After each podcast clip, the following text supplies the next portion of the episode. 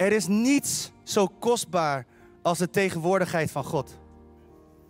Echt niets komt daarbij in, in, in, in, in de buurt.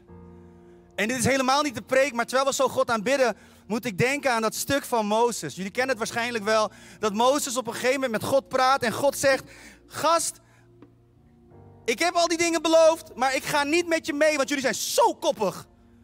En als ik met jullie meega, lopen jullie het risico dat ik jullie ga verdelgen, gewoon omdat jullie koppig zijn.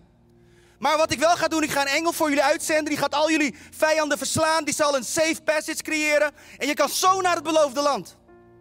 Klinkt best als een goede deal. Ik weet niet van jou. Een leven zonder strijd. Een leven zonder pijn. Een leven zonder gebrokenheid. Gewoon hop, hop naar de hemel. Ticket en klaar. Maar weet je wat Mozes zegt? Mozes zegt, heren, als u niet met ons meegaat, laat ons niet van deze plaats optrekken. Want hoe anders gaat gezien worden dat wij gunst hebben gevonden in uw ogen dan uw tegenwoordigheid. Eigenlijk zegt Mozes hier, Heer Jezus, Heere God, ik heb liever het risico dat u ons verdelgt, dat u ons wegvaagt van die aarde, maar dat u erbij bent, dan dat we de overwinning halen zonder u. En dat moet ons hart zijn. Weet je, als wij roepen halleluja, is het niet gewoon een leuk sfeertje, niet alleen maar gezellig, maar we zijn ons bewust van de tegenwoordigheid van God. En we weten van, met de strijd, met de pijn, met, ik wou bijna zeggen, met alle poep die het leven soms over je heen giet, zeggen we, Heer, ik heb liever dat, als u er maar bij bent, midden in die poep. Mag ik dat zeggen hier in de Stadskerk? Ik weet het niet. Dan, dan, dan dat alles goed gaat en dat het mijn leven allemaal perfecte mundo is. En dat ik allemaal all dead ben, alles op een rijtje heb, maar u bent er niet bij. En dat is het ding waar ik zo gek op ben. Ik hou, het klinkt misschien gek, maar ik hou van de echtheid van het leven, de rauwheid van het leven. Want dat maakt mij ervan bewust dat ik Gods genade elke dag opnieuw nodig heb.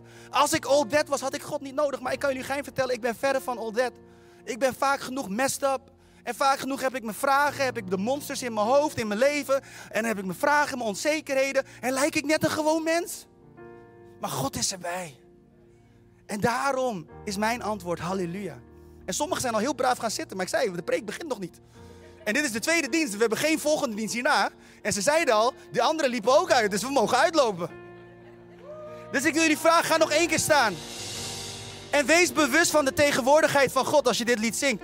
Als je zingt halleluja, is het niet gewoon een koortje, maar je doet mee met de hemel. En het leuke is dit, wanneer wij zingen, dan zegt God in de hemel: Jongens, jongens, horen jullie dat? Hoor je dat? Mijn kinderen zingen. En die engelen zeggen van, maar Heer, wij zingen toch ook? Ja, maar, maar mijn kinderen zingen en ik wil erbij zijn. Kom, laten we op bezoek gaan. En als je zegt, waar haal je dat vandaan? De Bijbel zegt in psalmen dat God woont te midden van de lofzangen van zijn volk. Dus hij woont daar waar wij zingen. Dus als wij zingen, dan komt God lekker op bezoek. Hoe vet is dat? hey, en ik vind het leuk als vrienden op bezoek komen, maar als God op bezoek komt. Oh boy, dan is, er, dan is er geen plaats voor duisternis. Dan is er geen plaats voor, voor leugen. Dan is er geen plaats voor alles wat ons soms neerdrukt. Maar dan stapt zijn licht, zijn waarheid, zijn leven in jouw leven. En dan kan er niks anders gebeuren dan dat jouw situatie openbreekt. Want wanneer God instapt, wanneer de hemel instapt in jouw aards bestaan, dan kan er niks anders gebeuren dan iets openbreekt. En dat gun ik jullie zo erg. Dat je de tegenwoordigheid van God, Hij die het verschil maakt in alles. Dus laten we samen met elkaar zingen. Hef je handen op en verhef je stem en zing. Halleluja.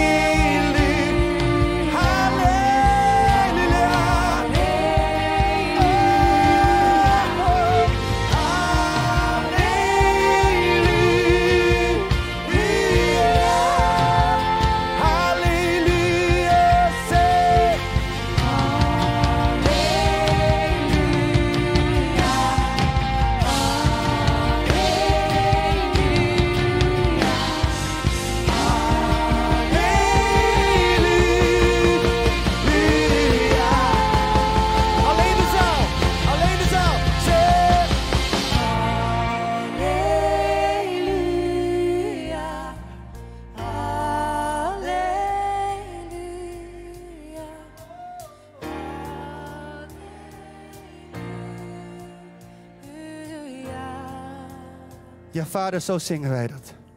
Voor u en voor u alleen. En we zijn u zo dankbaar voor uw trouw. We zijn u zo dankbaar voor uw goedheid. If it wasn't for your grace, if it wasn't for your mercy, if it wasn't for your faithfulness, Heer, hadden wij het nooit gered. Maar het is uw genade, uw goedheid en uw trouw, waardoor wij iedere dag weer op kunnen staan en met u mee kunnen gaan, achter u aan kunnen gaan. Heer, en daar zijn we u zo dankbaar voor.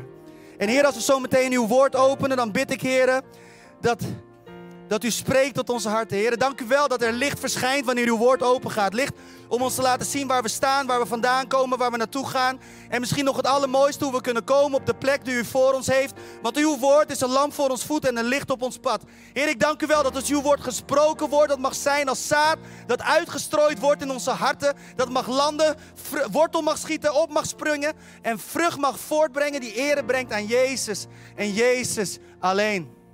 Dat niemand anders zal roemen dan alleen maar in uw naam. Dat alles mag wijzen naar u. Heer Jezus, dank u wel voor dit moment. In Jezus' naam. Amen. Amen. Neem plaats. Echt, als we zo zingen, dan wil ik nooit beginnen met preken. Is een soort probleem wat ik heb bij ons in de kerk ook. En, en, en soms weten ze het ook. Kijk, het grappige is ook als iemand anders spreekt bij ons in de kerk, dan duren de diensten ook standaard 20 minuten korter want ik ga soms helemaal los, weet je wel. En uh, echt een drama met mij. Maar ik vind het zo leuk om te zingen. Echt. En ik hoop jullie ook een beetje. Hoe, hoe gaat het trouwens met jullie? Mooi. En de mensen thuis, hoe gaat het met jullie? Ik heb de chat hier openstaan, echt waar. Dus als je iets zegt, dan lees ik het. Maar ik heb al ontdekt, er zit ongeveer een minuut vertraging tussen. Dus ik praat gewoon door.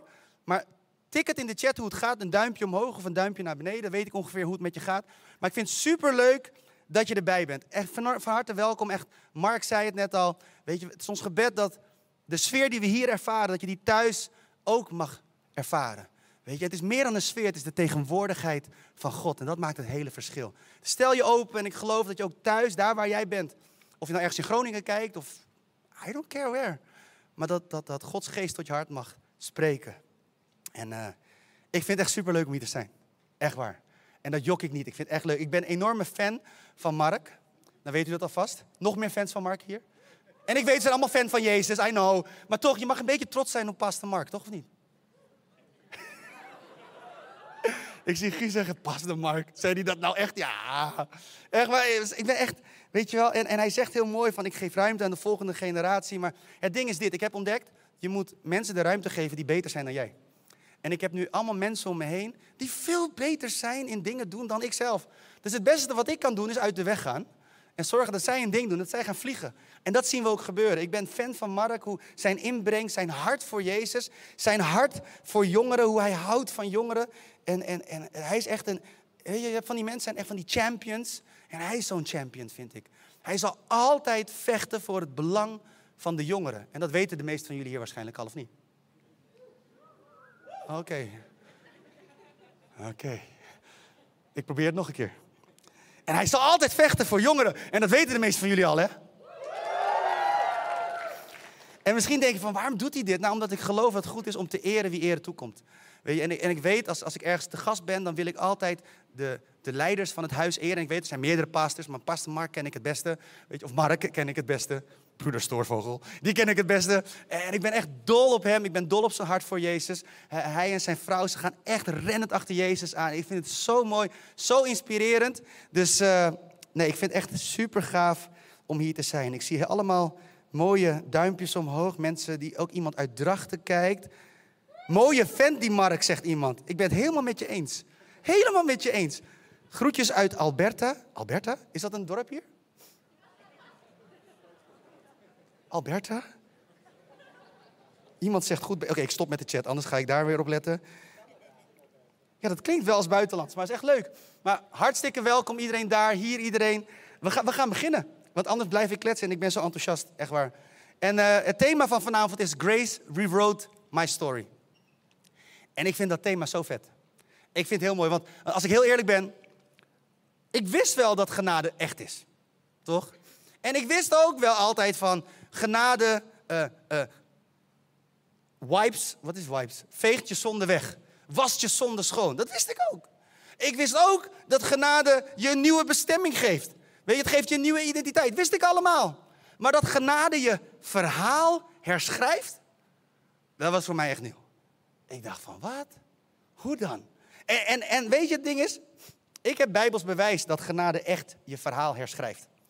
En, en als je me de komende 29 minuten van je kostbare leven geeft, dan geloof ik dat we over 29 minuten met elkaar heel enthousiast kunnen zijn over het feit dat genade uh, je leven, je verhaal herschrijft. En ik wil je meenemen naar de woorden van Paulus in de brief aan de kerk te Rome.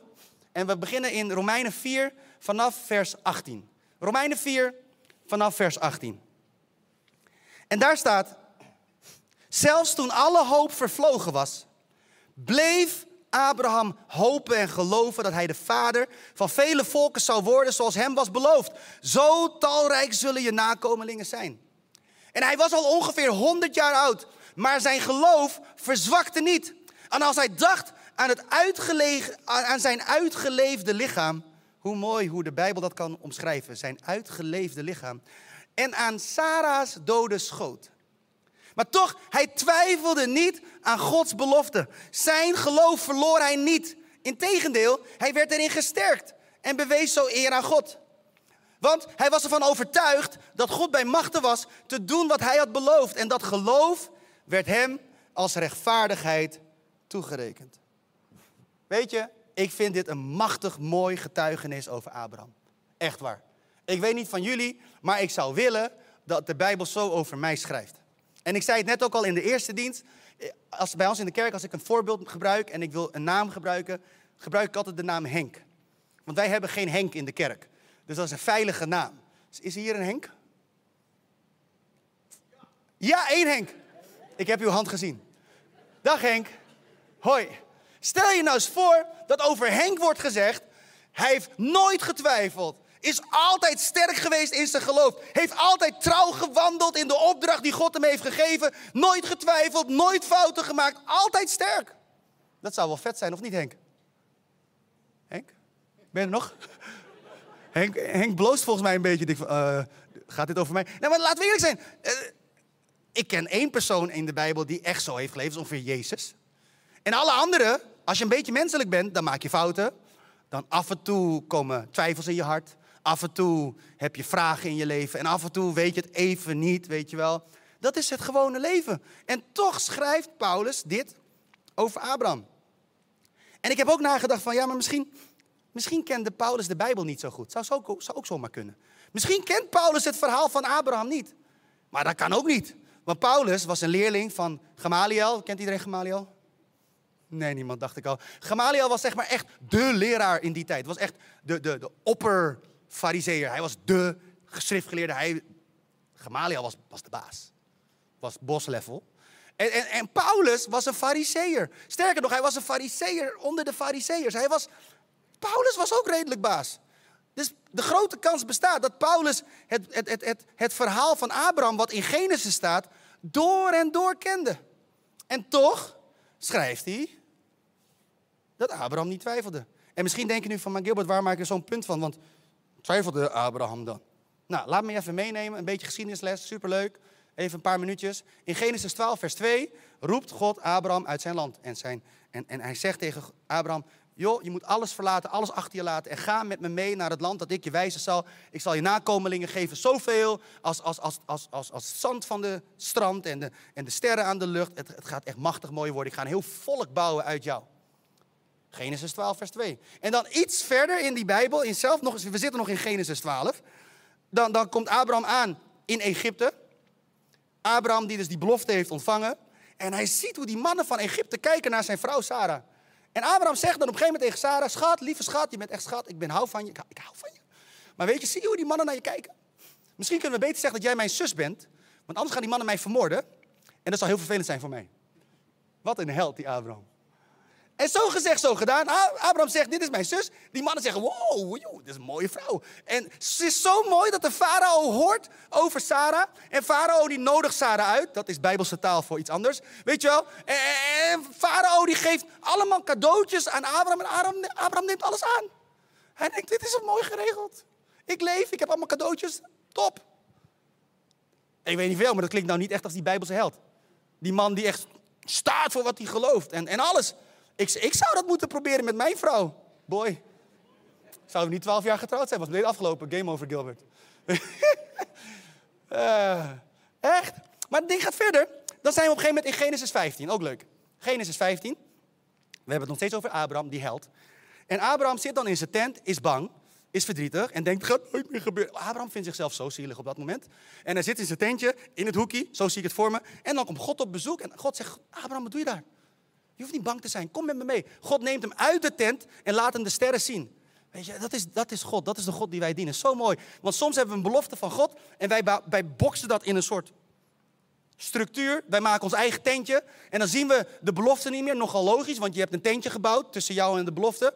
En dan ga je zitten in je hoekje en dan ben je opeens heel zielig. Dat is wat Abraham deed. En God neemt hem mee en laat hem de sterren zien. Dan denk je, oké, mooi. Abraham gelooft er weer in. En dan komen we aan in Genesis 16. Nog steeds geen kind. En dan komt Sarah met een geweldig idee. Die zegt, schat, het werkt niet echt. Geen kind, maar ik heb een slavin. En ik denk dat dat gaat werken. En Abraham, de geloofscel die eerst zegt, oké. En, en, en het grappige is, ik heb erover nagedacht van, boy, als ik dat zou doen, hè, hoe dan? Maar in die tijd was het best wel normaal.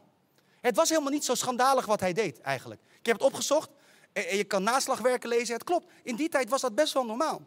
Maar het ding is, als iets misschien wel normaal is, dan wil het nog niet zeggen dat het heel goed is. Weet je, ik heb opgeschreven, je kan dus goede dingen doen zonder geloof, maar die goede dingen zullen nooit en ten nimmer de vrucht geven die je zou kunnen krijgen wanneer je in geloof zou handelen.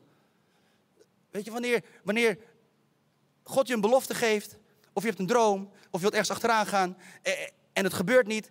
Ik weet niet van jou, maar ik wil wel eens God een handje helpen. Maar ik heb ontdekt, God heeft gewoon geen hulp nodig. God is God. En het enige wat God van ons vraagt is geduld en vertrouwen. Een van de grootste vijanden van een goede oogst is ongeduld. Het moment dat je God een handje wil helpen omdat je denkt dat God het niet kan. Maar ik heb goed nieuws voor je. God heeft de hemel en de aarde gemaakt. Zonder jouw hulp. Jezus staat in de Bijbel, in Colossense staat, Jezus houdt de schepping in zijn handen. Zonder jouw hulp. Hij heeft ons niet nodig. Hij vraagt wel ons vertrouwen. Nou goed, we zijn in Genesis 16. En dan komen we aan in Genesis 17. Dan is Abraham inmiddels 99 jaar oud. En dan herinnert God hem weer aan die belofte. De tweede reminder dat God hem geeft. Je zou toch kunnen zeggen, als die man zo geweldig was, zo'n geloofsheld was, dat het dan wel klaar was. Maar dat is het niet. Want dan gaan we verder. In Genesis 18 krijgt Abraham hoog bezoek. En hij krijgt een belofte met een datum erop. Over een jaar. Derde reminder. Sarah gelooft het niet meer en begint zelfs te lachen. Want zij weet dat, ze dat er al lang niks meer hier gebeurt bij haar. En waarschijnlijk had ze ook inside info over Abraham. Just saying. Weet je, dat zou zomaar zo kunnen. En dan denk je van, nu, nu, nu zijn we klaar. Dit is het. Nu, nu, nu, nu komt de belofte. Nee, want dan komen we in Genesis 20 aan. En dan maakt Abraham nog een keer, voor de tweede keer, de domme fout om te zeggen dat Sarah zijn zus is. En dan wil Abimelech, de koning van de plaats waar ze dan zijn, die wil wel Sarah als, als vrouw. En alhoewel Sarah inmiddels 89 of 90 jaar is, zien de mannen haar schoonheid nog steeds. En, en, en, zo erg dat ze haar begeerlijk vinden. Dus kennelijk was Sarah echt, echt, echt een hele bijzondere vrouw. Een vrouw van 90 waarvan mannen zeggen, wow, weet je, dat is toch wat. Maar gelukkig steekt God daar dan ook weer een stokje voor. Deze keer door een droom. God komt in een droom bij Abimelech en zegt: Gast, als je dit doet, dan ga ik je zo overladen met rampspoed. Je gaat huilen. Echt. En dus Abimelech zegt: Oh, wat heb je gedaan? Je hebt niet gezegd dat je vrouw is. Eh, hier, me terug.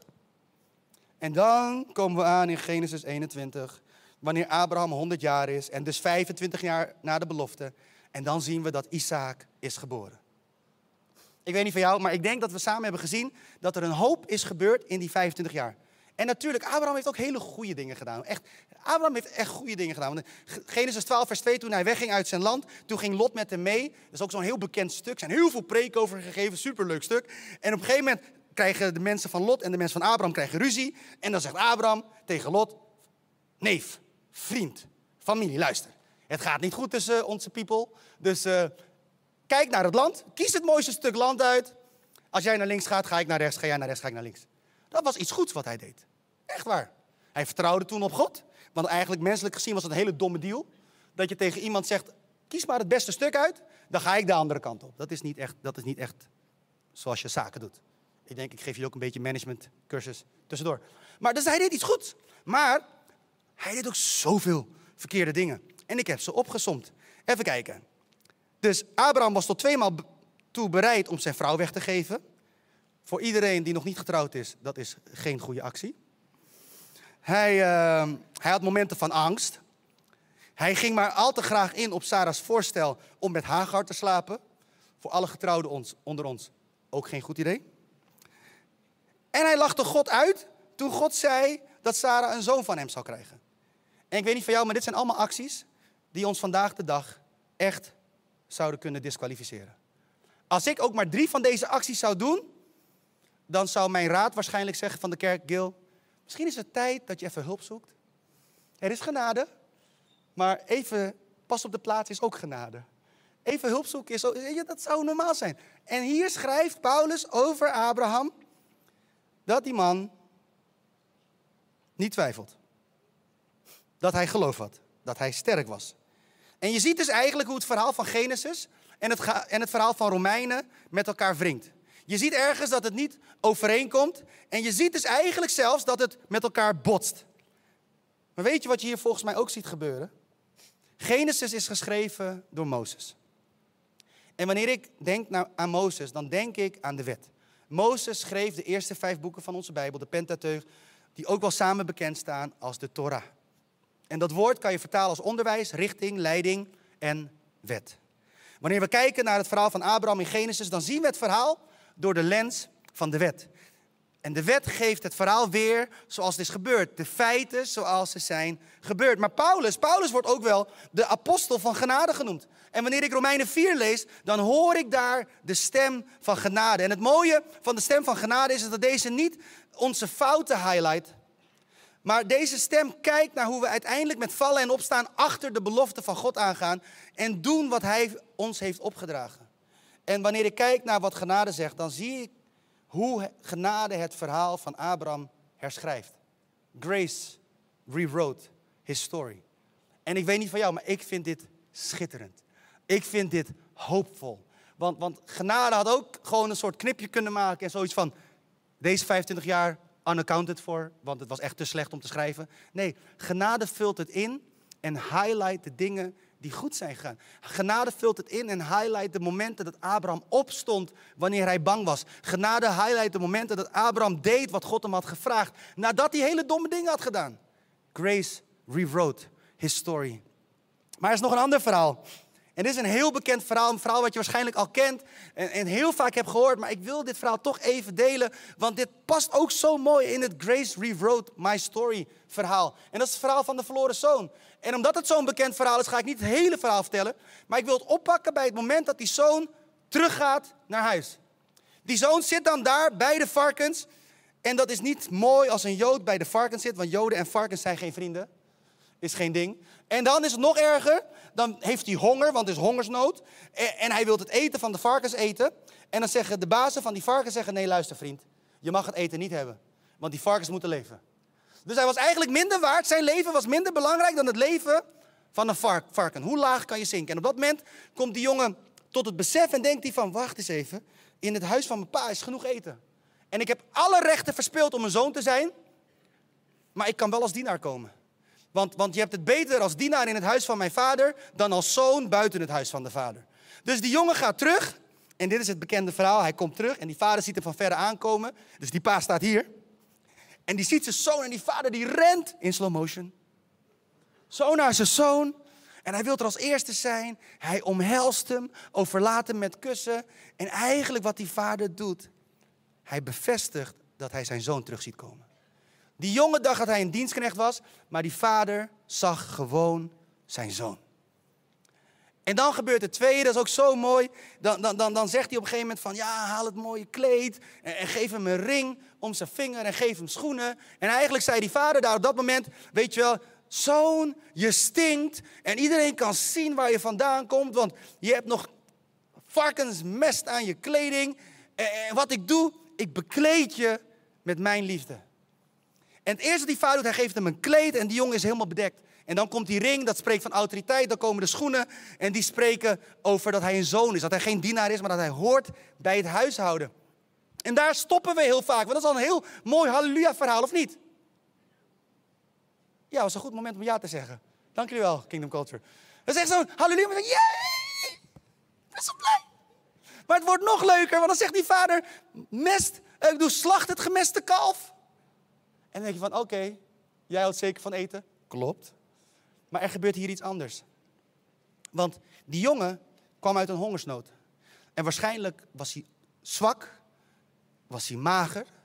Ik bedoel, laten we eerlijk zijn, en dit is geen fantasie, want ik kan dit ook onderbouwen. Want die jongen wilde eten van de varkens. Ik weet niet of je hebt gezien wat varkens eten. Als je het niet weet, ga een keer naar een kinderboerderij. En kijk naar het eten wat ze geven. Als je dat wil hebben, dan ben je echt wanhopig. Echt waar. Dus die jongen had, zag er waarschijnlijk uit als iemand die niet meer bij het huis hoorde. Hij was mager, hij was zwak en hij stonk. En die vader geeft hem eten. En wat gebeurt er als hij hem eten geeft? Nou, dit is het ding. Genade zal je van binnenuit voeden, totdat jouw buitenkant laat zien wat er binnen in jou is gebeurd. Die, die vader gaf hem een kleed en hij wist, maar dit is niet een eeuwige oplossing. Ik ga hem van binnenuit voeden, zodat de binnenkant weer in lijn staat met hoe ik hem zie. Dat is genade.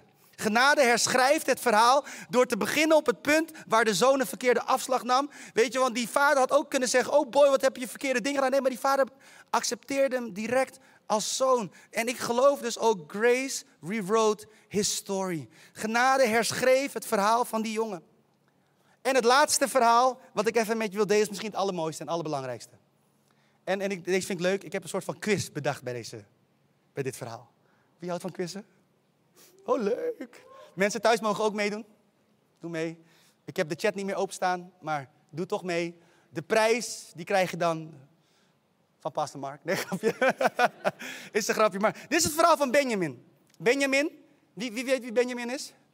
Dit is, nog niet, dit is nog niet de vraag hoor. Jij ziet een paar handen. Benjamin is de zoon van? Jacob, heel goed. En wie weet wat de oorspronkelijke naam was van Benjamin? Om vijf uur wist iemand het. Wat, jij weet het? Nee? Daar? Ik zie. Nee? Iemand? Alleen Pastor Mark mag niet meedoen. En alle bijbelschoolleerlingen ook niet. Maar iemand? Iemand? Ja? Ben Oni, wat mooi. Heel goed. Hoe heet je? Jaap. Applaus. En Jaap, weet je ook heel toevallig wat Ben Oni betekent? Zoon van Smart. Wauw, ja, dat klopt. Hey. En weet je ook waarom hij die naam kreeg? Ja, bijna. Ja. Nou ja, zijn moeder gaf hem die naam. En, uh, en ze baalde heel erg van de pijn. En, en van, van de pijn. En, en van, ze had hem met pijn gebaard. En inderdaad, toen gaf ze hem de naam Ben-Oni. Ze labelde hem aan de omstandigheden waarin hij geboren was. Dat is wat daar gebeurde bij het verhaal van Benjamin. Maar het leuke is, dan komt papa Jacob, de vader. En die denkt, no, no, no, no, no, no, no. Geen één van mijn kinderen krijgt de naam zoon, uh, zoon van rampspoed. Maar dat is ook een vertaling van Ben Oni. Zoon van rampspoed. Dat is niet de naam hoe, ik mijn kind, hoe mijn kind de geschiedenis in gaat. Nee, nee, dit gaat niet gebeuren. En Jacob gaf hem de naam Benjamin. En ik kijk weer naar jou. Weet je wat de naam Benjamin betekent? Zoon van de liefde? Geliefde? Uh, die vertaling ken ik niet. Maar misschien klopt het hoor.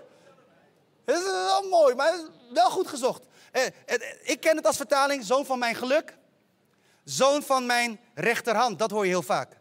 En rechterhand is een plek van autoriteit, is een plek van kracht, is een plek van bestemming. Dit is het mooie. Jacob keek naar zijn zoon en labelde hem niet naar de omstandigheden waarin hij zat of waar hij uit kwam, maar hij labelde hem vanuit de belofte die hij voor hem zag. En als ik denk aan onze Vader, onze Hemelse Vader, is dat precies de manier waarop hij naar ons kijkt. Naar jou en naar mij.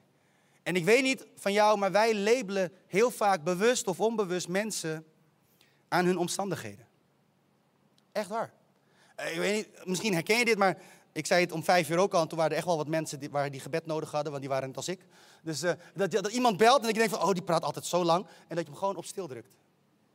Iemand? Nooit gedaan? Ja, iemand heeft dat. Het is best wel menselijk, toch? Dat je denkt van. Maar, maar, maar soms, ik weet niet van jou, maar ik heb wel zelfs gehad dat ik niet eens kijk van, oh, dat is die persoon. Maar dat ik gewoon meteen denk, oh, die praat lang. Oh, of die heeft altijd een probleem. Of die heeft altijd hulp nodig. Ik heb ook iemand, als die me een appje stuurt, wil hij altijd geld. Heb ik ook. Weet je wel? En dus ik label mensen aan hun omstandigheden. En dat is helemaal niet goed. Want ik wil zijn als God. En God kijkt niet naar hoe je bent, maar hij kijkt naar wat hij voor je heeft. En als ik kijk naar mijn eigen leven, heb ik mezelf ook heel vaak zo gelabeld. Toen ik jonger was, ik ben nu een beetje oud, een klein beetje oud. Toen ik nog veel jonger was, nog een klein kindje, jaartje of vier, vijf, zes. Ik vond zingen altijd leuk. Zingen was mijn ding. Echt waar. En ik zong echt van die oude liedjes. Ik zong liedjes als Omdat hij leeft, ben ik niet bang voor morgen. Iemand? Generatiekloof, ik snap hem. Oh, een paar, paar, jee. Weet je, ik, ik, hou van die oude liedjes. Maar ik had dan iemand in mijn, in mijn omgeving, een, een ouder persoon, die dan zei, oh, daar heb je Gilbert weer. Die zingt als een kat waarop je zijn staart staat of, staat of zo. Weet je wel, je, je, je, je kraait als een kat, of ik weet niet hoe je dat moet zeggen, het krijst als een kat. En ik begon het te geloven, dat ik niet kon zingen. Dus ik was altijd die vrolijke jongen die altijd hield van zingen en altijd wilde zingen over Jezus. En wat, wat gebeurde met mij? Ik ging alleen nog maar zingen in mijn slaapkamer. Want ik was bang dat mensen me zouden horen zingen. En toen kwam er een moment dat ik een keer ergens moest invallen. En, uh, want ik was pianist en de zanger viel uit. En toen zei de tienerleider, oh ja, jij kan toch ook zingen? Ik zei, uh, uh, ik zing als een kat, ik zing als een kat, ik zing als een kat. Ja, maar we hebben niemand, dus dan maar een kat. Dus ik begon te zingen. En mensen vonden het mooi, dus ik denk, oh, ik kan zingen.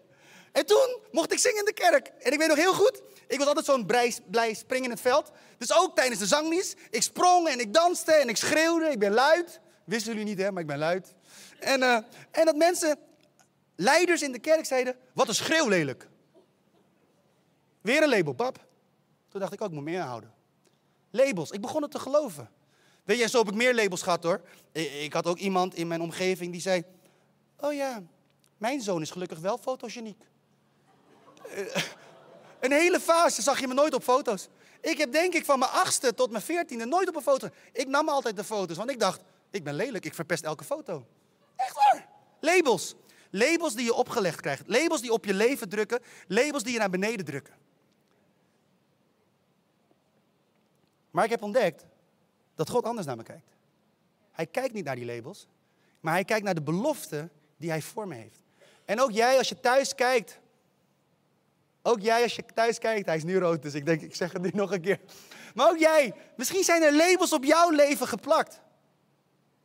Weet je, en ik vertel het nu met een glimlach, want ik ben er overheen. Ik ben genezen, ik ben ervan bevrijd. Weet je, maar het was een strijd. Maar misschien heb jij labels op je leven geplakt. Weet één ding, God kijkt anders naar je.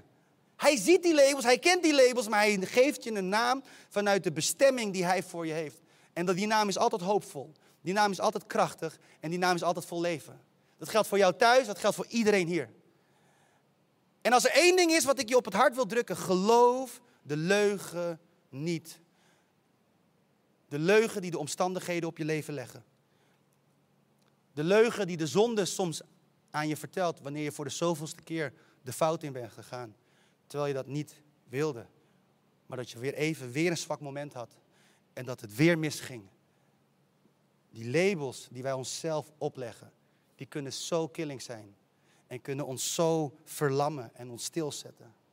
En op dat moment hebben we het nodig dat de stem van genade tot ons spreekt en zegt: Hé, hey, jij bent een winnaar.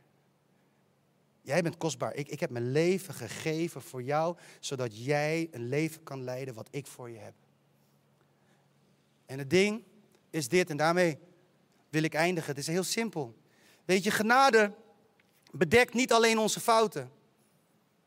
Genade wist niet alleen onze fouten.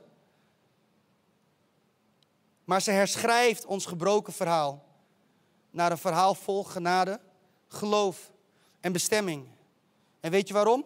Genade kijkt niet naar onze trouw, maar naar Gods trouw. Genade kijkt niet naar ons falen, maar naar Gods succes. Genade kijkt niet naar onze beperkingen, maar naar Gods almacht. En daarom, en daarom alleen durf ik vandaag tegen jou te zeggen thuis en iedereen die hier is, genade herschrijft jouw verhaal. Grace rewrote your story. En weet je wat zo mooi is van genade? Genade is geen leuk concept. Genade is ook niet eens een mooie gedachte die wij in de kerk hebben. Genade is ook niet eens waarvan we zeggen van, oeh, ja, laten we maar genadig zijn aan elkaar. Nee, genade is een persoon. En zijn naam is Jezus. En of je het nou weet of niet, maar ik ga ervan uit dat de meesten het hier wel weten. Jezus wint altijd. Er is één ding wat Jezus niet kan en dat is verliezen.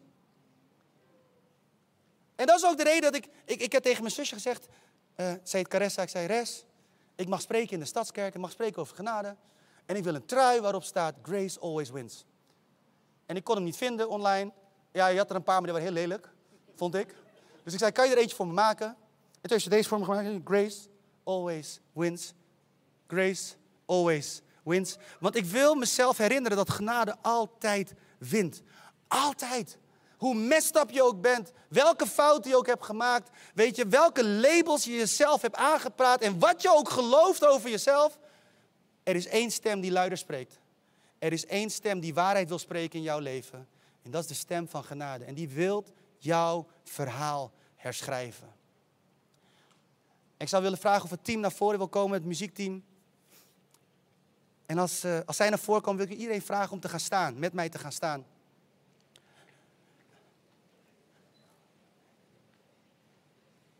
Want ik wil je een moment meenemen in gebed. Weet je, misschien heb je dit verhaal gehoord en zeg je van, ah, dit is zo mooi, zo bemoedigend. Maar Gil, dit weet ik allemaal, dit is oké met mij. En dan zeg ik, tof, hou dat vast, vergeet dat nooit meer. Maar misschien zit je hier en zeg je, maar dit verhaal resoneert met mij. Want ik heb labels op mezelf geplakt.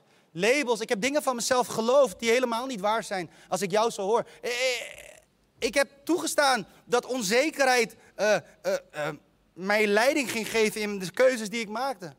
Weet je, het ding is, wanneer je de labels gelooft, kan je hele stomme fouten maken. Niet omdat je het wilt, maar omdat je toch gelooft dat je niks beters kan dan dat. Maar laat vandaag het moment zijn dat je genade laat spreken in je leven. En dat je toestaat dat genade jouw verhaal herschrijft. En misschien herken je in Abraham en zeg je van man, ik heb zoveel fouten gemaakt. Gilbert, als jij ook maar zou weten welke fouten ik heb gemaakt, dan zou je anders piepen. Ik heb goed nieuws voor je. Ik ga niet anders piepen. Want genade herschrijft jouw verhaal. En misschien zeg je van, ja, maar ik ben als die verloren zoon. Oh, ik ben een verloren dochter. Ik stik naar varkenspoep. Kan. Maar zelfs dan zeg ik, genade staat klaar om jouw verhaal te herschrijven. En zometeen gaan we bidden. En ik zou iedereen willen vragen voor een moment je ogen te sluiten. En als jij hier zit, en misschien zit je thuis. Je hoeft deze strijd niet alleen te strijden. Je, zoek iemand die met je gaat bidden. App iemand. Misschien zit iemand hier in de kerk waarvan je weet, ah, die is met Jezus bezig. App die persoon gewoon. Iedereen heeft nu toestemming om te appen. Want deze strijd moet je niet alleen strijden. Maar als je hier bent en je zegt van, hé hey Gil, ik, uh, ik, ben, ik ben die persoon. Ik heb het nodig dat genade mijn verhaal herschrijft. Schaam je niet, want ik was ook een van die mensen. En niet eens zo lang geleden. Het was denk ik 15 à 20 jaar geleden, 20 jaar geleden. Als je het verhaal wil weten, moet je naar Marit gaan. Ik heb het verhaal haar ooit verteld. Het is het bekende Big Mac verhaal. Je hebt toestemming om het te delen. Maar daar herschreef genade mijn verhaal. Nu zijn jullie nieuwsgierig, hè? Maar dat is mijn verhaal. Ik geloofde niet dat het kon, maar genade herschreef mijn verhaal. Als jij zegt, ik heb het nodig dat genade mijn verhaal herschrijft, mag ik je hand zien? Daar waar je bent. Ik zie handen omhoog gaan. Ik probeer zo te kijken. En ik wil jullie zo voor een moment in gebed voorgaan. Gaan we samen bidden. En als ik klaar ben met bidden, dan wil ik je uitnodigen om naar het ministry team te gaan. Wat daar bij het kruis staat. En misschien denk je van ja, maar je hebt al gebeden, het is allemaal oké. Maar weet je, soms is het goed om die weg te gaan. Om gewoon echt stappen te zetten, letterlijk. Dat je lijf weet van hé, hey, mijn verhaal wordt herschreven. En dan kan je naar die mensen gaan en die mensen gaan met je bidden. En soms moet het ook zo zijn dat sommige dingen doorbroken moeten worden. Sommige leugens die je zelf bent gaan geloven, omdat mensen die leugens over je hebben uitgesproken, dat die verbroken worden. En dat je opnieuw ruimte krijgt voor woorden van waarheid, woorden van leven, woorden van hoop, woorden van vernieuwing, woorden van, van kracht, woorden van bestemming. Weet je dat God zijn woord gaat planten in jouw leven, zodat jij weet van hé, hey, ik ben geen lost cause, weet je wel, maar ik heb een nieuwe bestemming. I have a new name written down in glory. Weet je wel, dus ik wil met je gaan bidden. En ook de mensen thuis. En ook als je je hand niet hebt opgestoken terwijl je wist dat je je hand wel moest opsteken. Dat kan ook. Dan mag je nog steeds gaan naar het kruis. Dat is de plek. Daar aan de voeten van het kruis. Het is symbolisch, maar het is ook echt. Het is een stap die we gaan. En dan zullen we zien dat ik, geloof, ik beloof je, God gaat een machtig, mooi werk doen. Want grace rewrote your story. Mag ik jullie voorgaan in gebed. Vader, dank u wel. Heer Jezus, dank u wel dat u voor ons aan, de, aan het kruis bent gegaan. Heer, en, we zingen erover en we spreken erover. De great exchange. Daar waar u uw leven neerlegde. Zodat wij nieuw leven kunnen ontvangen uit uw handen. Maar heren, wij, wij, wij, wij, geloven soms de leugens van, van de mensen om ons heen. En zelfs onze eigen leugens, onze eigen schuld en onze eigen tekortkomen. En we laten ons labelen. Of heren, we hebben onszelf gedisqualificeerd omdat we zoveel fouten hebben gemaakt. En zo vaak zijn gevallen en zo vaak zijn opgestaan. Dat we denken, heren, de volgende keer dat ik opsta, zal ik toch weer vallen. Dus het heeft geen nut meer. Of dat de verkeerde keuzes in mijn leven ervoor hebben gezorgd dat de geur van mijn leven ernstig is veranderd. Dat waar ik eerst vrolijkheid en liefde rondbracht, dat het nu niet veel meer is dan varkenspoep. Maar genade herschrijft ieder verhaal. Het enige, heren, wat u van ons vraagt, is dat we komen. En dat we komen naar u. En u toestaan en u vragen, herschrijf mijn verhaal. En Heer, als er handen zijn opgestoken hier in de zaal, als er harten zijn opengegaan thuis. Heer, ook als mensen die niet hun handen hebben opgestoken, maar wel zoiets hebben van dit ding is voor mij. Maar ik schaam me eigenlijk. Heer, ik bid voor vrijmoedigheid in de naam van Jezus. Ik bid dat elke schaamte doorbroken wordt in de naam van Jezus. Dat elke leugen die wordt geloofd door mensen en is omarmd door mensen van wat gaan ze over me zeggen. Ik bid daar licht in. Heer, dat er echt uw licht, uw waarheid daar mag schijnen, mag schitteren. En dat mensen in het licht mogen stappen, in de waarheid mogen stappen en mogen ervaren dat ze thuiskomen bij u. Geen veroordeling, geen afwijzing, geen tekortkoming, maar uw genade. En dat is meer dan genoeg. Vader, ik dank u wel voor dit moment. En ik bid, Heer, dat als mensen de stap nemen om naar het kruis te gaan, dat er een golf van genade, een golf van bevrijding en een golf van waarheid in harten mag binnendringen. Of het nou hier gebeurt of daar in woonkamers waar er gekeken wordt. Maar we bidden, Heer, dat door de kracht van uw Heilige Geest, dat elke leugen weggevaagd wordt. En dat er ruimte komt voor het woord van u.